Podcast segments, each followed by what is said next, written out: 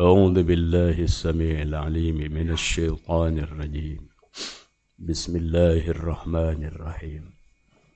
الحمد لله رب العالمين الذي أرسل رسوله بالهدى ودين الحق ليظهره على الدين كله وكفى بالله شهيدا.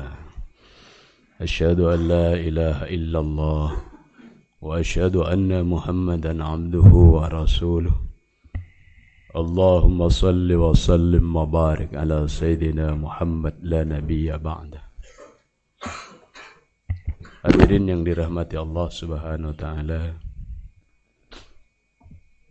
Kita diberikan nikmat oleh Allah di dalam ruangan yang dimuliakan Allah ini Perkenankan saya menyampaikan salam kehormatan yang dimuliakan oleh Allah السلام عليكم ورحمة الله وبركاته.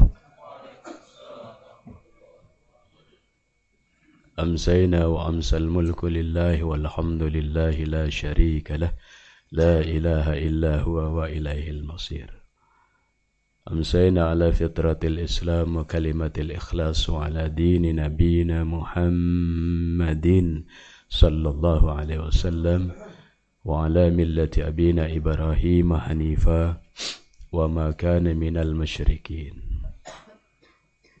Hadirin yang dirahmati Allah Subhanahu wa taala, kita dipilih kembali oleh Allah di dalam takdir yang mulia, berada di dalam majelis yang dimuliakan Allah.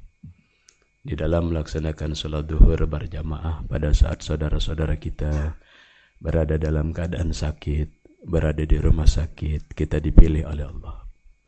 Pada saat saudara-saudara kita sedang berada di dalam sakratul maut, kita dipilih oleh Allah. Semoga takdir ini membawa kita kepada husnul khatimah. Ujung kehidupan yang baik sebelum kita masuk ke dalam liang lahat. Hadirin yang dirahmati Allah Subhanahu wa taala, mari kita membersihkan kolbu kita. Sebelum kita bersama-sama minta hidayah kepada Allah dari huruf demi huruf ayat-ayat Al-Quranul Karim yang bercahaya.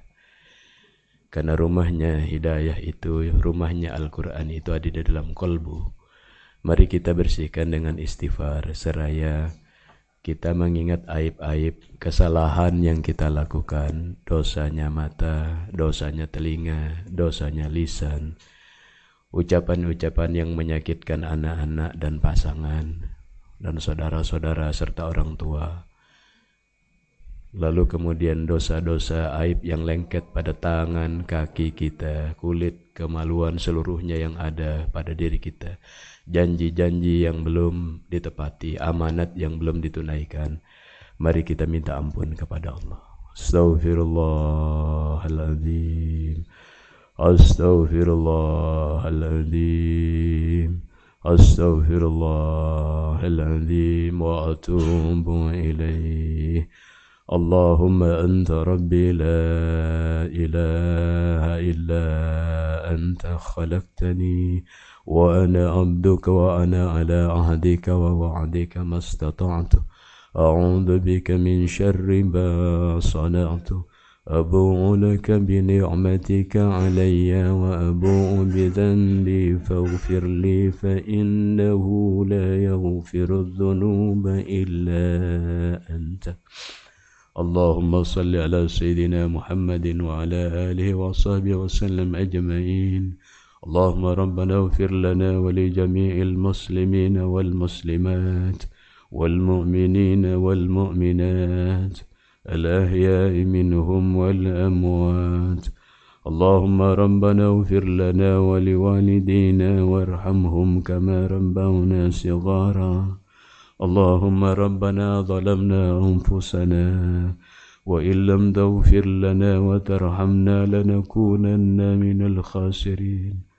اللهم اجعلنا من أهل القرآن تلاوة حفظا فهما وعملا برحمتك يا أرحم الراحمين. ربنا هب لنا من أزواجنا وذرياتنا قرة أعين واجعلنا للمتقين إماما. ربنا آتنا في الدنيا حسنة وفي الآخرة حسنة وقنا عذاب النار. وصلى الله على سيدنا محمد النبي الأمي وعلى آله وصحبه وسلم. والحمد لله رب العالمين. الفاتحة. أعوذ بالله من الشيطان الرجيم. بسم الله الرحمن الرحيم. الحمد لله رب العالمين الرحمن الرحيم. مالك يوم الدين إياك نعبد وإياك نستعين. اهدنا الصراط المستقيم صراط الذين أنعمت عليهم غير المغضوب عليهم ولا الضالين. آمين. Mari kita mentadaburi surat Al-Baqarah ayat yang ke-6, 7 dan 8 yang membedakan antara orang-orang yang beriman dan yang menunjukkan bahwa kita memiliki kehebatan dari seluruh pecundang di muka bumi ini yaitu orang yang kafir yang ingkar kepada Allah the loser أعوذ بالله من الشيطان الرجيم بسم الله الرحمن الرحيم. إن الذين كفروا سواء عليهم أأنذرتهم أم لم تنذرهم لا يؤمنون. ختم الله على قلوبهم وعلى سمعهم وعلى أبصارهم غشاوة ولهم عذاب عظيم ومن الناس من يقول آمنا بالله وباليوم الآخر وما هم بمؤمنين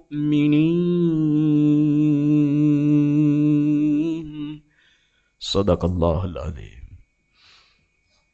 Sesungguhnya orang-orang yang ingkar itu sama saja bagi mereka itu. Kalian beri peringatan, kalian tak beri peringatan, mereka itu sama saja mereka tidak beriman. Saudara-saudara hadirin yang dirahmati Allah Subhanahu wa taala. Beberapa waktu yang lalu kita pernah berdiskusi tentang generasi champion yaitu ayat pertama sampai ayat yang kelima dari surat Al-Baqarah. Itulah kaum pemenang. Karakter building itu ditaruh di awal sebagai lead dari kitab Allah yaitu dalam surat Al-Baqarah sebagai orang pemenang. Ulaika humul muflihun. Lima ayat. Yang pertama. Itu yang membuat sahabat-sahabat kemudian bangga ketika mereka mengerasa dirinya berada di dalam barisan orang-orang yang beriman, orang yang muslim, satu garis dengan pengikut Nabi Adam alaihissalam, Nabi Nuh alaihissalam, Nabi Musa alaihissalam, Nabi Isa alaihissalam, seluruh nabi 124 ribu nabi. Satu korp. Wah kalau begitu saya satu korp ya Rasul. Iya orang beriman. Dan mereka itu pemenang. Lalu setelah lima ayat yang menunjukkan karakter pemenang itu. Dan ternyata mereka menjadi pemenang peradaban. Meruntuhkan Persia, meruntuhkan Romawi. Dan sejarah itu akan berulang kata baginda Rasul.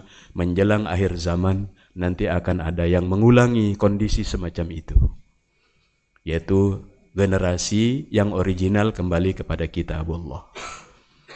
Pada ayat yang keenam disampaikan oleh Allah Subhanahu wa taala ciri orang-orang yang kemudian menjadi loser, pecundang dalam kehidupan. Orang itu namanya orang kafir. Orang kafir itu tidak harus menggunakan kalung salib, tidak menggunakan kalung bintang David, tidak menggunakan apa-apa saja. Allah mengatakan orang kafir itu sama saja bagi mereka itu. Kalian beri peringatan atau kalian tak beri peringatan sama saja mereka. Mereka tidak akan beriman. Mengapa demikian? Rupanya dalam lid ini dalam kitabullah surat Al-Baqarah di mana surat Al-Baqarah ini menjadi syarat ketika orang akan memimpin sebuah entitas. Jadi kalau orang itu mau memimpin sebuah entitas, apalagi pasukan, apalagi capres, kalau di zaman Rasulullah sallallahu alaihi wasallam ditanya, "Siapa yang hafal surat Al-Baqarah?" "Saya ya Rasulullah." "Kau benar hafal surat Al-Baqarah?" "Benar ya Rasulullah." Kalau begitu engkau pemimpinnya. Karena mereka yang mengetahui karakter building pada surat Al-Baqarah ini bisa memimpin nanti. Maka setelah diberikan leadnya pertama lima ayat tentang kaum pemenang, maka berikutnya adalah kaum pecundang. Nanti setelah itu kalian bisa memimpin. Mereka kenapa tidak bisa diperingati dan tidak mau mendengar peringatan karena mereka memiliki masalah. Khatamallahu ala qulubihim. Allah mengkunci mati kolbu mereka. Wa ala sam'ihim dan instrumen pendengaran mereka itu dikunci mati, ditutup oleh Allah. Wa ala abasarihim juga penglihatan mereka itu visi mereka ditutup oleh Allah. Hadirin yang dirahmati Allah Subhanahu wa taala, ketika Nabi Adam itu kemudian turun ke muka bumi dan jin itu merasa kalah sudah karena kemudian Nabi Adam alaihissalam akhirnya disujudi oleh para malaikat kakek buyut kita itu instrumen itu ada di darah daging saudara-saudara sekalian dan dan kita semuanya bahwa kita ini adalah lebih tinggi dari para malaikat kalau mereka berada di dalam aturan kitabullah sehingga dalam Al-Quran, para malaikat itu menjadi pelayan dari hamba-hamba Allah. Surat Al-Mu'min, surat Ar-Ra'duh. Tapi kalau tidak, kita drop di bawah malaikat, minta tolong sama jin, drop di bawah jin. Kalau kemudian rutinitas kita seperti hewan, makan, beranak pinak, tidur, buang air, cari rumput, cari kerja, monoton begitu, dia seperti binatang, kata Quran. Dia tidak bisa menjadi pemimpin. Kalau dia melakukan kemaksiatan, balhum adol, lebih rendah dari hewan ternak. Nah Quran membuat seperti itu sehingga sahabat menjadi euforia. Maka nanti kemudian kelebihan euforia dari sahabat itu sampai yang budak-budak pembantu rumah tangga menemukan aura ini. Akhirnya mereka menjadi pemimpin peradaban. Dan mereka menjadi pemimpin dunia. Karena mulai dengan kondisi seperti itu, pada kolbu mereka tidak dikunci oleh Allah. Orang-orang yang ingkar kepada Allah ini ternyata mereka punya masalah yaitu kolbunya dikunci oleh Allah. Sama dengan jin yang sudah dialog dengan Allah bersama dengan malaikat yang disuruh sujud itu. Jadi kalau beriman itu hanya dikatakan beriman kepada Allah, percaya, jin percaya karena udah dialog. Udah dialog, kita belum dialog sama Allah langsung jin dialog.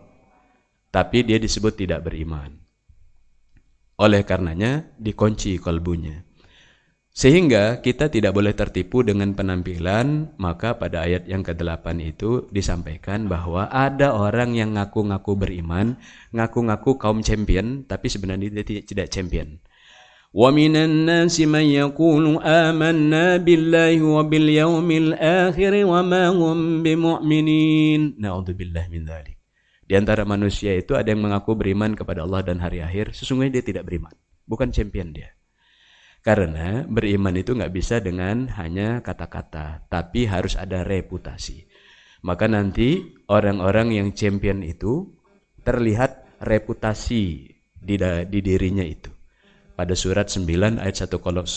Wa qul i'malu fasarallahu amalakum wa rasuluhu wal mu'minun beri, beramal kalian, action kalian. Nanti Allah menjadi saksi, Rasul juga orang beriman di sekitar kalian melihat reputasi kalian.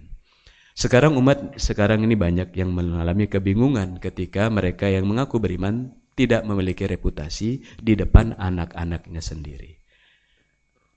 Anak-anak kemudian tidak melihat reputasi ayah dan ibunya yang baik. Tetangga tidak melihat reputasi orang yang beriman masyarakat duafa tidak melihat reputasi orang yang beriman yang menyelesaikan masalah. Negara tidak melihat reputasi orang-orang yang mengaku sebagai pembawa pewaris Nabi. Apakah itu kemudian menggunakan branding ulama, branding ustadz, ataupun branding pemimpin agama atau tokoh apa pun. Nah, saatnya sekarang kita kembali kepada originalitas ini. Mengapa mereka kemudian tidak disebut beriman padahal mengaku beriman kepada Allah dan hari akhir? Karena mereka tidak mau mengubah karakter champion ini. Berubah menjadi champion, tapi mereka cuma mengatakan saya beriman. KTP Islam saya bung. Tapi dilihat tetangganya tidak champion. Tidak menepati janji. Tidak kemudian benar-benar integritasnya. Lebih dari anes, kejujuran. Dia memiliki integritas. Nah ini ditunjukkan di dalam Al-Quranul Karim. Mengapa mereka kemudian tidak memiliki kemampuan sebagai champion kalah di antara orang-orang yang ingkar kepada Allah? Apakah orang yang ingkarnya pakai tanda-tanda non-muslim, agama yang lain, Yahudi, Nasrani, atau kalah dengan orang yang sekuler, yang kemudian mereka mengatakan beriman tapi tidak diakui beriman oleh Allah karena kesombongannya. Kenapa orang yang kemudian mengaku beriman sungguh-sungguh sering menjadi inferior? kalah secara peradaban, kalah secara teknologi. Karena rupanya ada hal yang mendasar yang ayat yang ketujuh itu. Yaitu orang-orang yang pecundang ini dikunci mati kolbunya oleh Allah. Apa sebabnya dikunci mati kolbunya oleh Allah? Karena tidak sadar bahwa kolbu ini punya Allah. Dikiranya kalbu ini punya kita sendiri, kita yang membesarkan punya Allah. Lillahi ma fis samawati wa ma fil ard. Kepunyaan Allah yang di langit dan di bumi. Gedung ini kepunyaan Allah. Jantung pembuat gedung ini punya Allah. Yang menjadi owner gedung ini punyanya Allah. Kita punyanya Allah. Mata kita, retina kita punyanya Allah. Istri kita, anak kita punyanya Allah. Mobil kita punya Allah. Enggak ada yang milik kita. Termasuk kolbu kita. Nah, Allah Subhanahu wa taala memberikan clue di dalam Quran bagaimana caranya supaya kolbu itu tidak dikunci mati. Dekati kitabullah. Karena setiap nabi ada kitabnya. Maka di dalam surat Muhammad itu disebutkan pada ayat yang ke-24 surat 47 أفلا يتدبرون القرآن أم على قلوب أقفالها Maka mereka mengapa tidak mau tadabur Al-Quran atau mau mereka itu mengkunci mati kolbunya ya. Kata Allah surat Muhammad ayat 24. Jadi pengkuncian kolbu itu ketika orang tidak mau mendekatkan diri kepada kitabullah. Dari berbagai kitab di zaman setiap nabi begitu, ada saja kaum-kaum yang merasa hebat, tapi ternyata dia jadi pecundang nantinya, kalah dalam peradaban karena dia menjauh dari kitabullah. Urusan ekonomi, sosial, politik, budaya, hukum, pertahanan, keamanan, kesehatan dia nggak mau benchmarking pada kitabullah.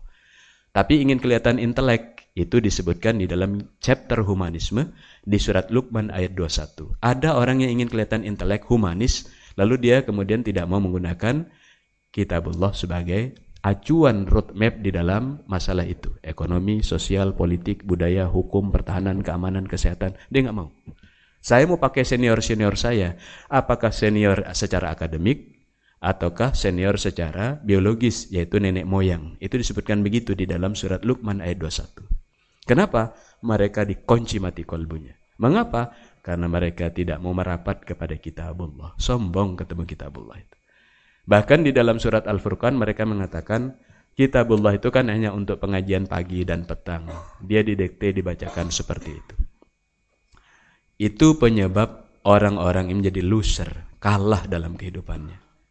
Hadirin yang dirahmati Allah Subhanahu wa taala, nanti kita challenge. Kenapa kemudian orang-orang di tingkat kondisi kita misalnya di Indonesia mayoritas Islam kenapa kemudian dia drop dalam kemampuannya bisa jadi kemudian dia mendapatkan aturan yang kuat, roadmap yang jelas, meniru perilaku para loser itu. Maka kata baginda Rasulullah sallallahu alaihi wasallam, "Kullu mauludin yuladu 'alal fitrah fa abawu yuhadani wa yunasirani aw yumaljisani." Setiap bayi itu terlahir dalam keadaan fitrah, apakah keduanya yang kedua orang tuanya yang nanti membawanya ke Yahudi-Yahudian, ke Nasrani-Nasranian, ke Majusi-Majusian. Karakternya sebenarnya fitrah, tapi kemudian berlaku seperti itu.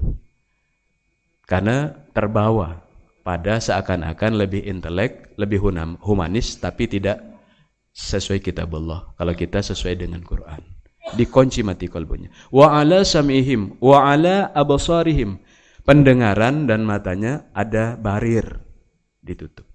Setan minal jin dari jin itu ketika gagal mendestruksi kanjeng Nabi Adam alaihissalam minta izin kepada Allah boleh enggak ya Tuhan saya menggoda anaknya Adam itu karena saya sudah tidak ada harapan lagi maka dia disebut iblis karena sudah putus asa nggak bisa lagi masuk surga ablasa namanya iblis lalu kemudian dia mendapatkan izin menggoda dari depan min baini aidihim wa min khalfihim wa an aimanihim wa an syama'ilihim. Dia menggoda dari depan, belakang, kanan, kiri. Menggoda dari depan itu menutup visi. Visinya jadi pendek. Tidak visioner lagi orang yang mengaku beriman itu. Enggak punya visi yang panjang. Visinya pendek. Itu adalah cara mereka menutup.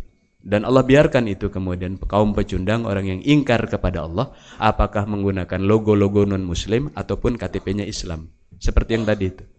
Ada di antara manusia yang mengaku beriman kepada Allah dan hari akhir tidak diakui beriman sama Tuhan. Surat Al-Baqarah ayat 8. Karena mengikuti perilaku para loser, para pecundang. Sehingga kemudian mereka itu dikunci mati kolbunya, ditutup barir pendengaran dan penglihatannya maka kemudian mereka mendapatkan azab yang pedih fid dunya wal akhir. Azab yang pedih itu adalah azab bentuknya bencana dari atas, dari bawah atau dari tengah. Dari atas itu bencana, dari bawah itu bencana, dari tengah itu bencana ketika yang kuat menekan yang lemah. Surat 6 ayat 65. Ketika mafia peradilan kemudian merajalela, menekan orang-orang yang tidak bersalah, itu azab. Surat 6 ayat 65. Ketika orang mau melakukan bisnis dengan benar, ditekan dengan tekanan-tekanan sehingga mereka harus mengeluarkan biaya siluman, itu azab dari Allah. Surat 6 ayat 65. Ketika mereka akan melakukan kebebasan hak asasi, lalu yang kuat menekan yang lemah, maka itu adalah azab dari Allah. Maka orang yang mengaku beriman tapi tidak melakukan karakter champion, maka dia akan menjadi pecundang di muka bumi walaupun ngaku Islam. Sehingga mereka itu kemudian hanya bisa duduk di pinggir jalan menjadi penonton mengatakan, kenapa umat Islam terpuruk ya? Karena tidak mau membaca peta jalan. Hadirin yang dirahmati Allah Subhanahu wa taala. Jadi kata kunci pertama yang menyebabkan orang ini lalu tidak menemukan peta jalan itu karena menjauhi kitab Allah. Menjauhi kitab Allah, tidak dibuka.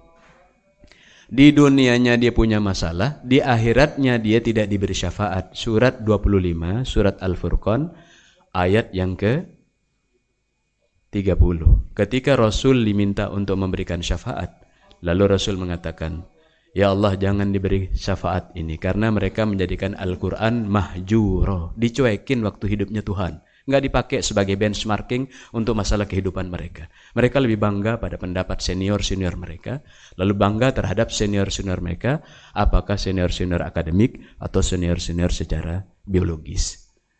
Kalau di terjemahan sering disebutnya senior biologis, namanya itu nenek moyang. Tapi aba uhum itu juga adalah senior-senior secara ideologis. Maka hadirin yang dirahmati Allah Subhanahu wa taala, mereka yang duduk-duduk membongkar kitabullah semacam ini pahalanya besar. Satu nazalat alaihimus sakinah. Nanti kalau ada problem apa-apa, dia akan diberikan ketenangan oleh Tuhan ke dalam kolbunya. Punya masalah keuangan, masalah kesehatan, masalah konflik dengan pasangan, masalah dengan anak-anak, masalah dengan mertua. Diturunkan oleh Allah solusinya. Kalau dia duduk dengan kitabullah. Dibongkar tapi, dibaca, dibongkar. Ini yang sedang terjadi. Namanya tadabur. Di drill lebih dalam. Drilling ini dapat pahala besar. Lalu kemudian yang kedua wahafat humul malaika. Malaikat itu menaungi yang sedang duduk-duduk itu. Yang ketiga wadzakarallahu fiman indahu. Lalu kemudian dia nanti akan mendapatkan sebutan namanya disebut-sebut namanya oleh Allah Subhanahu wa taala dimuliakan di depan malaikat yang mulia di sekitar Allah. Kita disebut orang hebat, orang disebut presiden bangga nama kita. Apalagi disebut Allah Subhanahu wa taala yang bisa mengairi darah ke jantung-jantung kita dan menggetarkan saraf-saraf kita sehingga saraf-saraf kita tidak kena neuropati atau kemudian kita tidak terkena stroke karena terpecah pembuluh kapilernya. Itulah Allah Subhanahu wa taala yang maha hebat. Semoga kita kemudian disebut-sebut namanya oleh Allah, dimuliakan oleh Allah Subhanahu wa taala karena kesungguhan kita merapat kepada kitab Allah. Pintu pertama sekali lagi yang membuat orang itu menjadi pecundang karena mereka dikunci mati kolbunya oleh Allah karena tidak mau merapat kepada kita Allah. Surat 47 ayat ke-24. Hadirin yang dirahmati Allah Subhanahu wa taala, mari kita sharing barangkali ada tambahan-tambahan yang berkenaan dengan masalah bagaimana realitas yang ada. Karena tadabur ini bukan hanya baca tafsir, tapi dia juga harus mengkaji sirah, asar sahabat, kemudian bagaimana asbabun nuzul dan asbabul wurud, lalu kemudian kita melihat bagaimana cara pakainya di kalau dipakai di Indonesia, di Jawa Barat, bagaimana kalau dipakai di Cirebon, bagaimana kalau dipakai di Jalan Rasuna Said. Itu yang namanya tadabur Quran. Sehingga di challenge semuanya. Benar nggak Al-Quran ini menghadapi tantangan teknologi dan peradaban? Wallahu a'lam bishawab. Mari kita sharing bersama-sama. Baik, khairan kasihan kepada Ustadz dari jemaah apakah ada pertanyaan?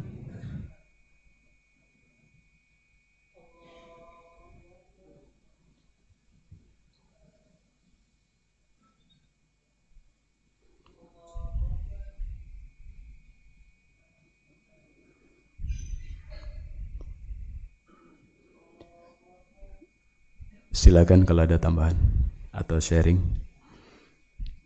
Kalau tidak ada kita tutup bersama dengan doa kafarat majelis dan doa penutup Quran. Subhanakallahumma rabbana wa bihamdika asyhadu an la ilaha illa anta astaghfiruka wa atubu ilaik. اللهم ارحمنا بالقرآن واجعله لنا إماما ونورا وهدى ورحمة. اللهم ذكرنا منه ما نسينا وعلمنا منه ما جهلنا. وارزقنا تلاوته آناء الليل. وأطراف النهار واجعله لنا هجة يا رب العالمين. والحمد لله رب العالمين. والله يقول الحق وهو يهدي السبيل. السلام عليكم ورحمة الله وبركاته.